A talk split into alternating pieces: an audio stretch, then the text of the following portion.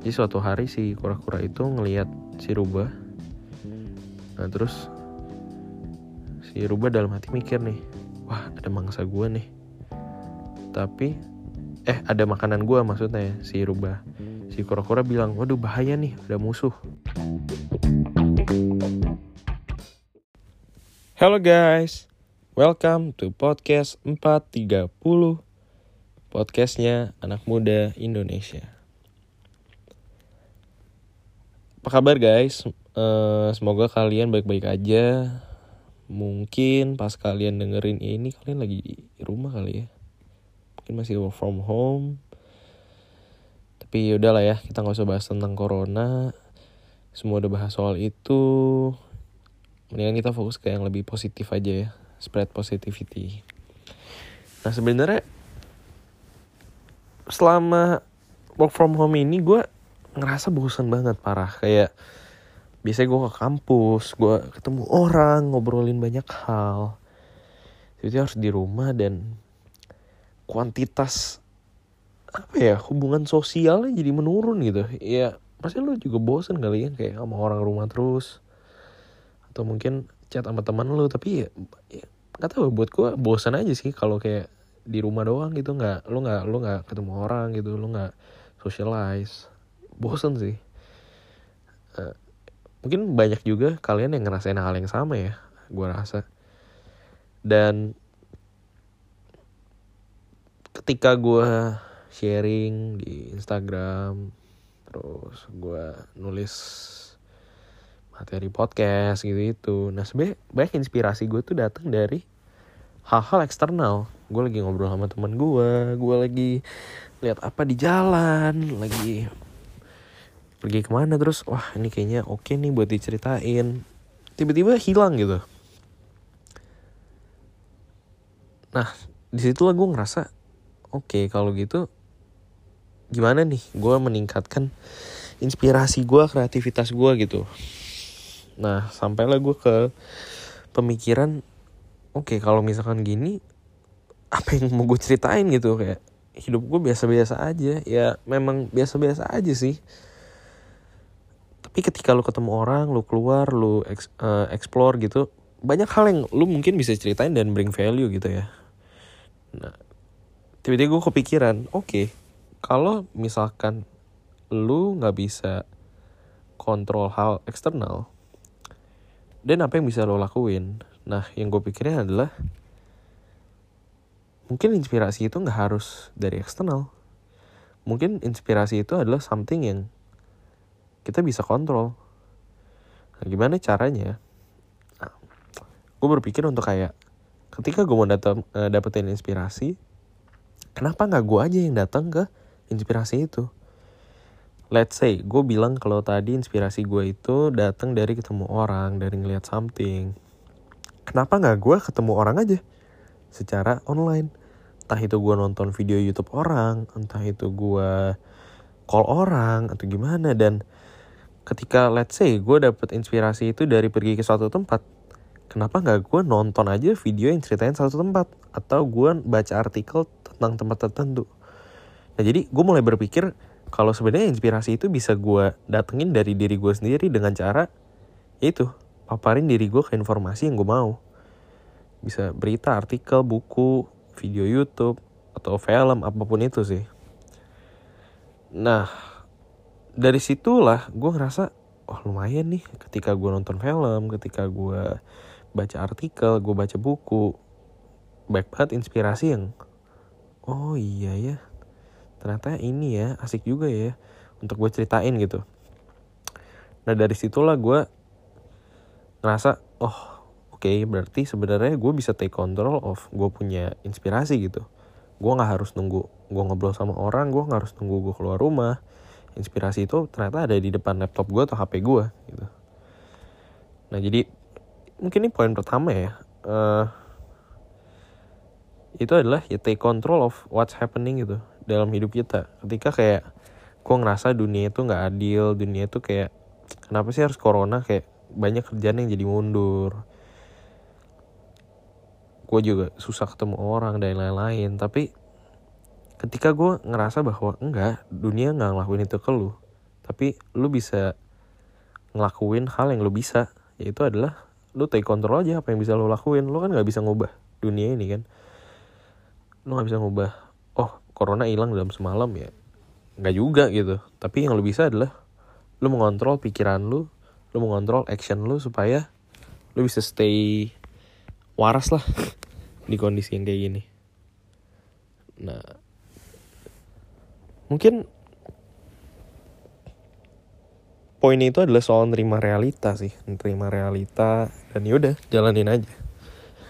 Nah kalau misalkan kalian masih ada yang susah buat nerima realita mungkin kalian bisa dengerin episode 5 di situ gue cerita tentang orang yang di karir dan hidupnya itu susah banget buat nerima realita.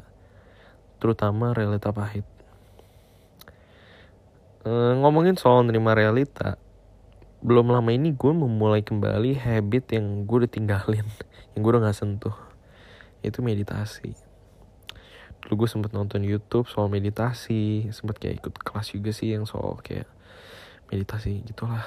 Tapi ya habitnya belum kebentuk aja.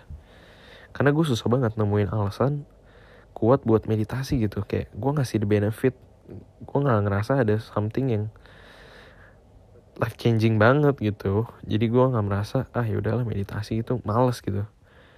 Nah belum lama ini gue nonton nonton dokumenter gitu. Uh, gue lupa judulnya apa tapi soal mindfulness gitu di Netflix. Nah di situ dibilang kalau mindfulness itu adalah salah satu cara paling efektif untuk turunin stress level lo untuk turunin kayak uh, kegelisahan lo worry lo itu mindfulness itu ternyata cara paling efektif. Ya ada sih yang lebih efektif itu lo kayak ketemu apa namanya kayak psikiater ya apa sih? Gue gue kurang paham dah pokoknya lo ketemu mereka lo curhat itu paling efektif lah. Terus lo dikasih obat yang nurunin stres hormon lo atau gimana gitu. Gue kurang paham ya sorry kalau gue salah psikiater apa apa sih kayak gitu. Nah tapi mindfulness ini ternyata cara efektif nomor dua untuk nurunin stress level dan ini terbukti dari kayak Harvard dan lain-lain lah mereka punya riset kayak gitu. Nah dari situ gue pikir yaudahlah mumpung banyak waktu di rumah coba lagi lah meditasi gitu. Uh, buat yang nggak tahu meditasi itu sebenarnya lu sesimpel lu duduk harus duduk sih tiduran juga boleh relax mesin otot lu dan lu fokus ke napas lu. Inhale exhale. Inhale.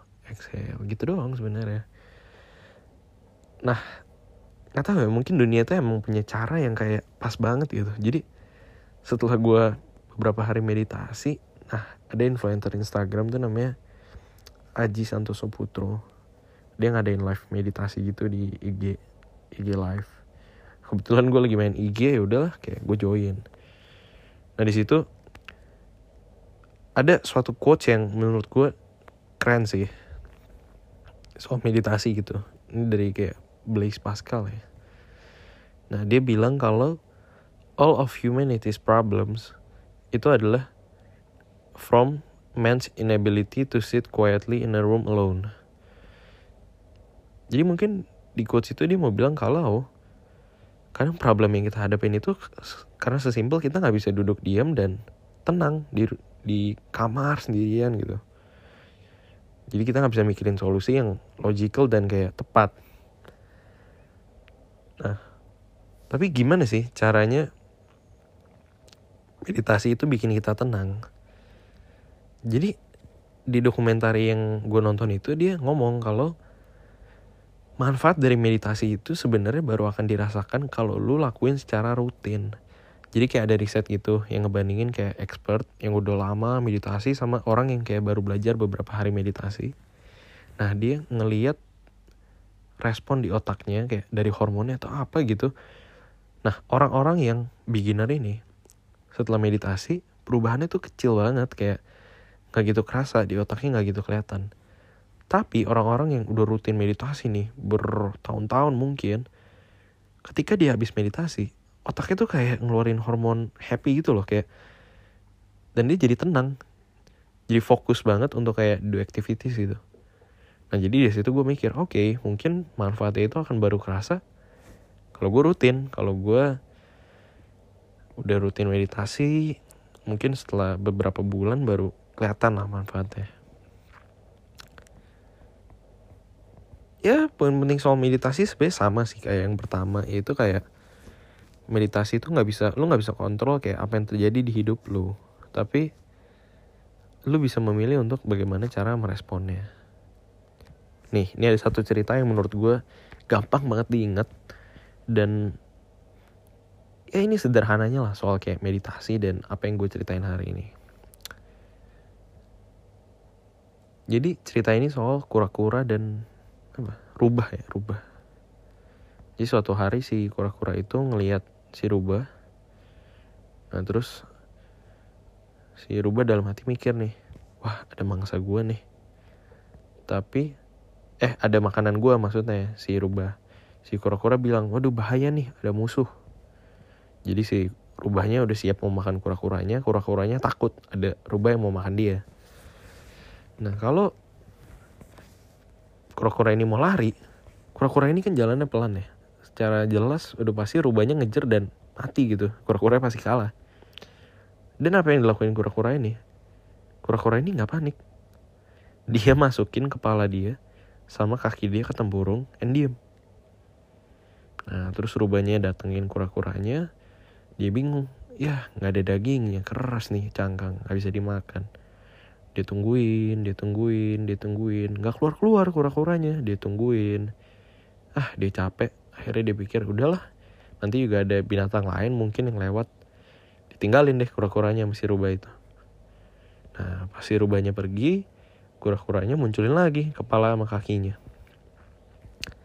Nah apa hubungannya? Meditasi itu sama. Jadi kita fokus aja sama thoughts kita sama diri kita. Bayangin kita tuh si kura-kura itu. Nah rubah itu bayangin itu stres masalah hubungan tension depresi gelisah takut sedih apa pun problem kita bukan kita lari dari masalah sih. Kayak kalau kalian udah denger di episode 5 itu, kalian jangan lari dari masalah. Instead kalian terima aja realita. Nah meditasi itu soal nerima realita. Nerima realita, meditasi, fokus, terima kenyataan, terima kenyataan. Sehingga ketika kita nerima kenyataan, kita bisa ngubah gitu. Kalau kita masih blame other people atau kayak blame the condition, gue rasa susah banget buat kayak kita ngambil step yang life changing gitu.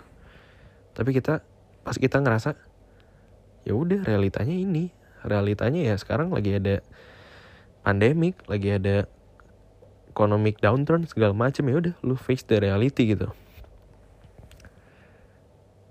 Nah mungkin itu aja sih yang mau gue sampein. Uh, eh, gue berharap kalian coba meditasi tapi pasti pas kalian coba tuh ada perasaan kayak susah banget buat fokus ke napas.